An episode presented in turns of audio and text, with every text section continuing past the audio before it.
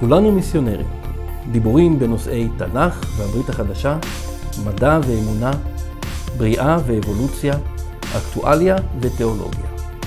עורך ומגיש, ליאור טיסון. והפעם,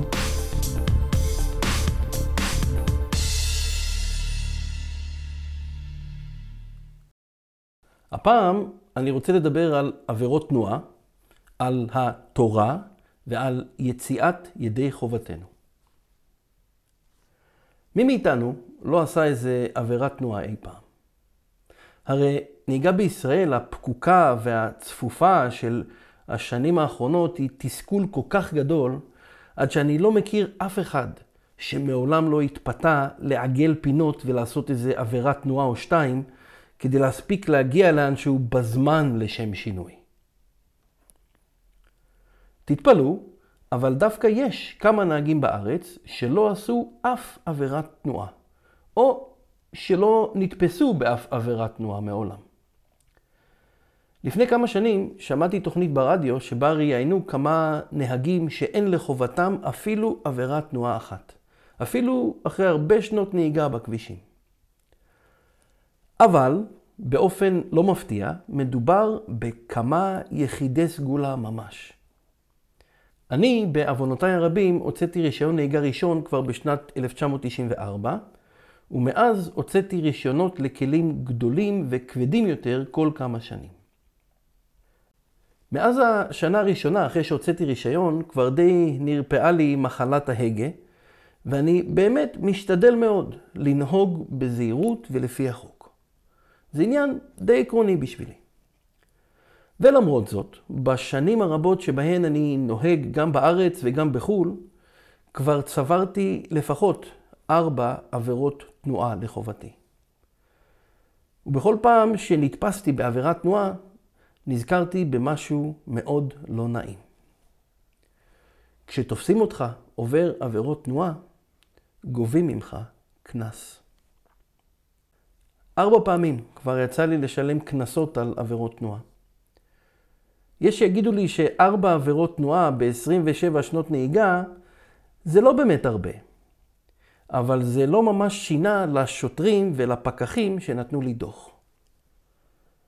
אבל מה שבאמת מעניין הוא שאפילו שהיו פה ושם שנים שלמות שבהן נהגתי כל יום ולא עשיתי אף עבירת תנועה, אף שוטר ואף פקח אף פעם לא נתן לי פרס על נהיגה זהירה ולפי החוק. שמתם לב לזה?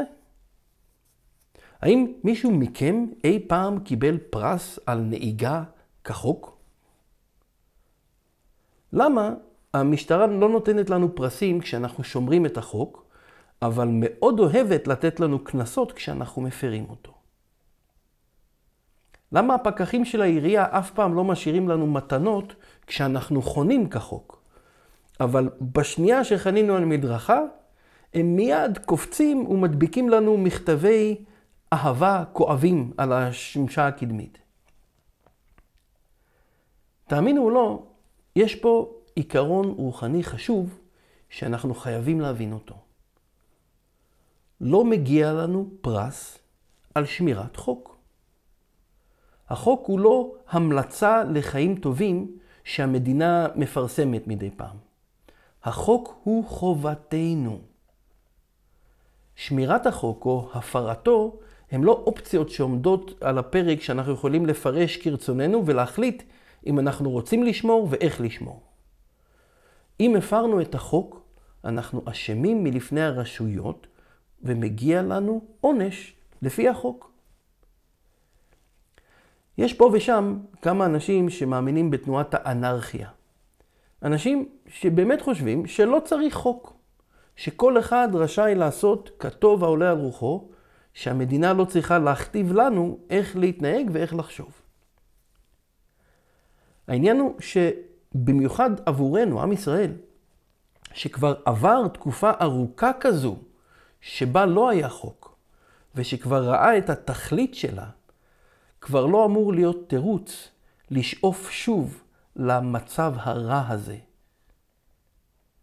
אחד המוטיבים החוזרים בספר שופטים שמספר לנו על המאות שלאחר מות יהושע, עבד משה, ולפני הכתרתו של שאול המלך, הוא שבימים ההם אין מלך בישראל. איש הישר בעיניו יעשה. בעצם, בדיוק אותו האידיאל שאותם האנרכיסטים מקווים להגשים. אבל שוב, באופן מאוד לא מפתיע, תקופת השופטים הייתה תקופה רחוקה מאוד מאידיליה.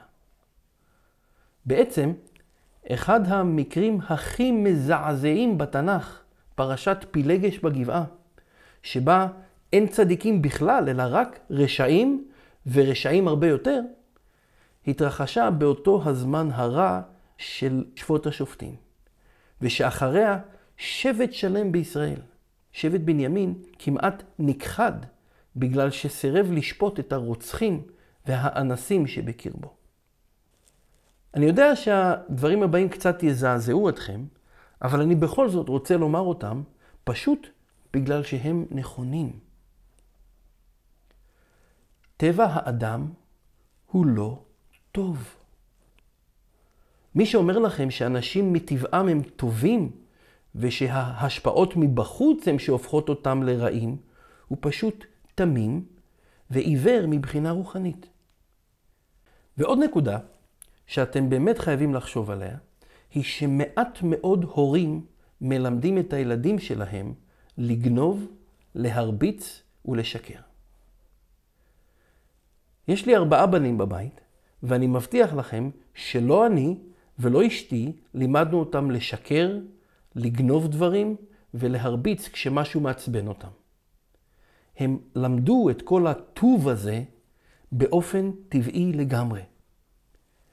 אשתי ואני, כמו רוב ההורים, היינו צריכים ללמד אותם איך לא לשקר, איך לא לגנוב ואיך לא להרביץ, גם אם מאוד בא להם. לא, נפשות יקרות, אפילו מגיל אפס, יצר לב האדם איננו טוב. אנחנו נולדים עם טבע שמושך אותנו אל הרע ואל האגואיסטי. ואם לא יחנכו אותנו ולא יטילו עלינו מרות, אנחנו לא נסתדר זה עם זה, כמו שהאנרכיסטים מנסים לשכנע אותנו. כשאין חוק, אין דין ואין דיין, אנשים הופכים למפלצות ממש. המשטרה והרשויות הם לא גורמים שתפקידם להקשות על החיים שלנו ולהעניש אותנו מתוך איזה סדיזם חולני. המשטרה והרשויות הם ברוב המקרים גורמים שמאפשרים לנו לחיות זה עם זה מבלי לגנוב, לרמות ולרצוח. והם הרבה פעמים עושים את זה תוך שימוש בכלי הפחד וההרתעה. זה לא רע מצידם, נהפוך הוא, זה טוב מאוד מצידם. תראו איך שהציבור הערבי במדינה מתחנן כבר שנים שהמשטרה תבוא לעשות אצלם קצת סדר. הם חיים במציאות נוראה מאוד, שבה כל אחד עושה מה שבא לו. ואל תטעו את עצמכם לחשוב שזהו רק בגלל הדת האסלאמית. אין לי הרבה הסכמות עם הדת של מוחמד, אבל אני יודע, וגם אתם צריכים לדעת, שטבע האדם הוא קלוקל לא רק בקרב מוסלמים או בקרב בני דתות אחרות. גם יהודים שומרי מצוות וגם חילונים ליברליים, ובעצם כל בני האדם, צריכים חוק וסדר שבלעדיו הם פשוט יהרגו אחד את השני. וגם לא מגיע לנו שום פרס על שמירת חוק. שמירת החוק היא הפרס של שמירת החוק. ואותו הדבר בדיוק גם עם התורה. כבר אמרו חכמים ממני כי שכר מצווה הוא מצווה. אדוני לא חייב לנו שום דבר אם אנחנו שומרים את מצוות התורה. מצוות התורה ניתנו עבורנו ולא עבורו. התורה היא החוק שניתן משמיים, שעל פיו בני האדם צריכים לבסס את החוקים בארצות שלהם. וכמו שראינו בהרבה מאוד מקרים בתורה ובנביאים, כשעם מסוים, בין אם עם ישראל או גוי אחר, חוטא לאדוני ולתורה שלו בצורה קיצונית, אותו העם נענש בחומרה. עם ישראל כבר עבר שתי גלויות ושואה אחת גדולה. עמים אחרים אפילו הושמדו לגמרי על חטאתם. איפה העמלקים היום? איפה המואבים? איפה הפלישתים היום? התורה, במיוחד החלק המוסרי שבה, הוא הסטנדרט שלפיו עמים שלמים חייבים לחוקק ולעצב את התרבויות שלהם, וכשהם נופלים לתהומות של חטא ומסרבים לשוב בתשובה, הם נענשים. ומה השכר שלנו אם נשמור את המצוות? בדיוק זה, שלא יהיו אצלנו הרבה גנבים, הרבה רוצחים, הרבה אנסים או רמאים. שנוכל לצאת מהבית בבוקר ולא לפחד שמישהו יפרוץ אלינו ויגנוב. שאף אחד לא יאיים על בנותינו וילדינו, ושאף אחד לא ינסה למכור לנו חתול בשק בכל הזדמנות. שמירת החוק ומצוות המוסר שבתורה היא לא זכות שיש לנו, אלא חובה, ואנחנו חייבים לצאת ידי חובתנו. ויראת שמיים היא שכרנו על יראת שמיים. אני מאוד מקווה שאתם מסכימים איתי עד עכשיו. אבל אם כל זה נכון, הרי שאנחנו חייבים להמשיך עם הרציונל הזה גם לנקודות הבאות שהוא מוביל אותנו אליהן. אם העבירות שלנו על החוק, או לחלופין החטאים שלנו נגד תורת אדוני, הם בגדר נקודות לחובתנו, והמצוות שאנחנו מקיימים, כמו גם החוק הארצי שאנחנו שומרים, אינם בגדר נקודות זכות, אלא רק יציאת ידי חובתנו, הרי שיש לנו בעיה תקציבית חמורה מאוד. תנסו לחשוב על זה לרגע. בכל פעם שמישהו מאיתנו נופל בחטא כלשהו, אם אה, חמדנו את אשר לרענו, אם שיקרנו למישהו, אם שנוררנו משהו ממישהו או חטאנו באלימות מילולית שהיא רצח אופי ושקולה לשפיכות דמים, הרי שאגרנו לעצמנו נקודות חובה רבות בעיני האל שרואה את ליבנו ואת מעשינו. מצד שני, בכל פעם שהתאפקנו שלא לומר משהו רע על מישהו אחר, שהסטנו את מבטנו למקום אחר כשבחורה יפה שאיננה מקודשת לנו עברה לידינו, או כשאמרנו את האמת, אפילו כשיכולנו לשקר ולחסוך לעצמנו מבוכה, הרי שגם אז בעצם רק יצאנו ידי חובתנו ולא צברנו על כך שום זכות בבית הדין של מעלה. יש לנו גירעון רציני, חברות וחברים. כשאנחנו עושים את הרע, זה נרשם לחובתנו. וכשאנחנו עושים את הטוב למרות הפיתוי, שום דבר לא נרשם לזכותנו. אם מרוקנים דלי בכמויות קטנות בכל פעם, אבל לא ממלאים אותו בחזרה אף פעם, לא ייקח הרבה זמן עד שהדלי יתרוקן לגמרי. אז איך יכול אדם שבאמת רוצה לחיות חיים מוסריים וטובים מלפני אלוהים ואדם, להשיג לעצמו נקודות זכות שיכסו על חובותיו הרוחניים. הרי אפילו דברים שנראים לנו כמעשי חסד וצדקה, כמו מתן לעניים, עזרה לנזקקים וחמלה לבעלי חיים, הם בסך הכל דברים שחובתנו לעשות אותם, אין לנו עליהם שום זכות. אז איך בדיוק מאזנים את הגירעון? שלא לדבר אפילו על יציאה מהחוב הרוחני שלנו. האם יש מעשה כלשהו שאדם יכול לעשות שיחשב לו כזכות מספיקה כדי לשלם את מחיר עוונותיו? האם יש מצווה כלשהי מכל התרי"ג שהיא באמת תשלום לאדוני ולא משהו שהוא ציווה עלינו לשמור לטובתנו בלבד? הרי כל המצוות הן בשבילנו. כל הצדקות שאנחנו עושים בעולם הזה, אנחנו עושים אותן בשביל האינטרס שלנו, שהעולם הזה יהיה מקום נעים יותר עבורנו ועבור ילדינו. מה אנחנו יכולים לעשות בשביל אדוני? ואפילו יותר מזה, האם לא נחטא בניסיונות שוחד כלפיו אם ננסה לשלם לו עבור זיכוי בדין, כשברור לכל בר מצפון שאנחנו אשמים בו? יש פה בעיה רצינית מאוד. החוב הרוחני שלנו לבורא העולם הולך וגדל בכל פעם שאנחנו חוטאים, בין אם בדברנו, מעשינו, או אפילו במחשבות שלנו שהן לא נסתרות ממנו. ואין לנו שום אפשרות להחזיר את החוב הזה. אנחנו עומדים יבשים ונכלמים לפני שוקת שבורה. יצא לי כבר המון פעמים לשמוע איך בני אדם מנסים להצדיק את עצמם בכל מיני תמרונים לוגיים, כשהאמת הרוחנית הפשוטה הזו לפתע מתבארת להם. אבל עדיין לא מצאתי תירוץ שבאמת יכול לפתור את הגירעון הזה.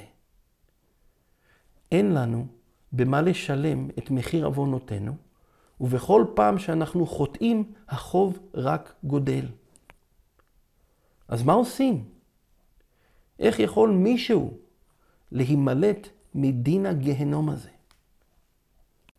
או, בדיוק על זה רציתי לדבר איתכם. נכון, אין לנו אף מטבע רוחני שבו אנחנו יכולים לשלם את מחיר חטאינו. ויותר מזה, האלוהים ששופט אותנו רואה הכל ויודע הכל, והוא לא מקבל שוחד ולא עושה הנחות למקורבים. אבל יש משהו שעד עכשיו רבים וגם רבנים מנסים להסתיר מכם. אותו האל שנגדו ונגד מצוותיו חטאנו כל יום, הוא גם אוהב ורב חסד מאין כמוהו. אלוהים אהב אותנו, בני האדם הברואים בצלמו, כל כך הרבה, עד שהוא בעצמו, כי רק הוא יכול, סיפק פתרון לבעיית החטא שלנו ולמחיר שלו. בימי התנ"ך, כשבית המקדש היה קיים, אדוני ציווה עלינו להקים מערכת קורבנות, שלפיה בעלי חיים טהורים יכולים לשלם בדמם הטהור עבור חטאת האדם. אלוהים קבע קורבן ספציפי כמעט לכל חטא אפשרי. וציווה את הכהנים מבית אהרון להעלות קורבנות על המזבח ככפרה, ככיסוי, על חטאת האדם.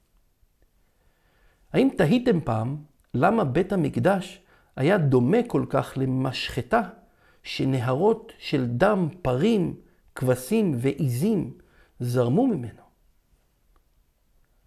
זה בגלל החטא שלנו. בעלי החיים המסכנים הללו, שנשחטו על ימין ועל שמאל, הם עדות אילמת למחיר האמיתי של החטא האנושי. אנחנו, בניופים שלנו, בתאוות האסורות שלנו, בשנאת החינם ולשון הרע שלנו, בני מוות.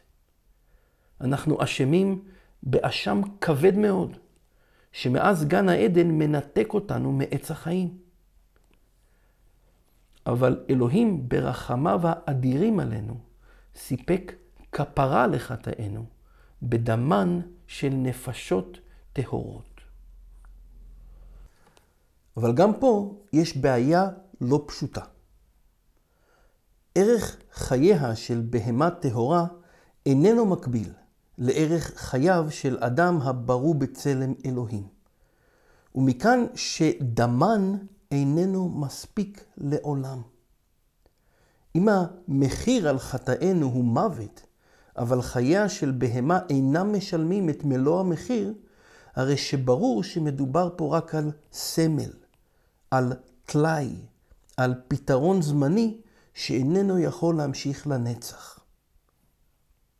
אבל סמל למה? מה או מי יכול באמת לשלם את חטאת העולם הזה אחת ולתמיד? שא תמים. בן אדם כמונו שמעולם לא חטא. אדם שבאמת יש לו זכות מלפני אדוני, ושיהיה מוכן לתת את נפשו עבורנו ולשלם בזכותו את הגירעון הרוחני שלנו. יש דבר כזה? הרי כתוב לפחות בשלושה מקומות בתנ"ך שאין צדיק מוחלט. שאין אף אדם שמעולם לא חטא. שמאז האדם הראשון כולנו חוטאים ואף אחד עוד לא הצליח לפרוץ את הלולאה הנוראה הזו. בדיוק לכן, אדוני שלח אל העולם את המשיח. אדוני שלח חלק מעצמותו הנעלמת, את דברו הנצחי שבו נברא היקום כולו, ארצה כבן אדם. בחסד שאף אחד מאיתנו לא יכול להתחיל ולתפוס את מלואו, אדוני בא בכבודו ובעצמו ארצה, כאדם מן המניין, לא בידי מלאך, לא בידי שרף, אלא אדוני בעצמו. לחיות את החיים המושלמים שאף אחד מעולם לא הצליח לחיות, ואז למות כקורבן על חטאינו, מחוץ לעיר, מנודה, צלוב על חטאת העם והעולם. אלוהים שלח את יד ימינו הנצחית, לא באופן סמלי, אלא באופן אמיתי, ארצה כבן אדם, למות על חטאינו ולפדות אותנו מקללת המוות. ואת אותו היהודי מבית דוד המלך, אנחנו דחינו ומסרנו לגויים לצליבה. אבל הוא היה השה התמים שנשחט על חטאינו, שבמותו ציווה לכל מי שישוב בתשובה ויבטח בו בכל לבבו את חיי העולם וסליחת החטאים.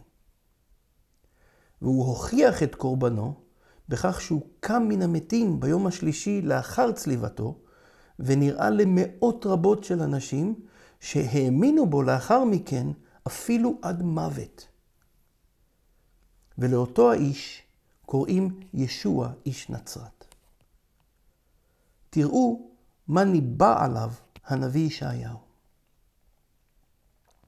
נבזה וחדל אישים, איש מכאובות וידוע חולי, וכמסתר פנים ממנו נבזה ולא חשבנוהו. אכן חוליינו הוא נשא ומכאובנו סבלם. ואנחנו חשבנוהו נגוע, מוכה אלוהים ומעונה. והוא מחולל מפשענו, מדוכא מעוונותינו. מוסר שלומנו עליו, ובחבורתו נרפא לנו.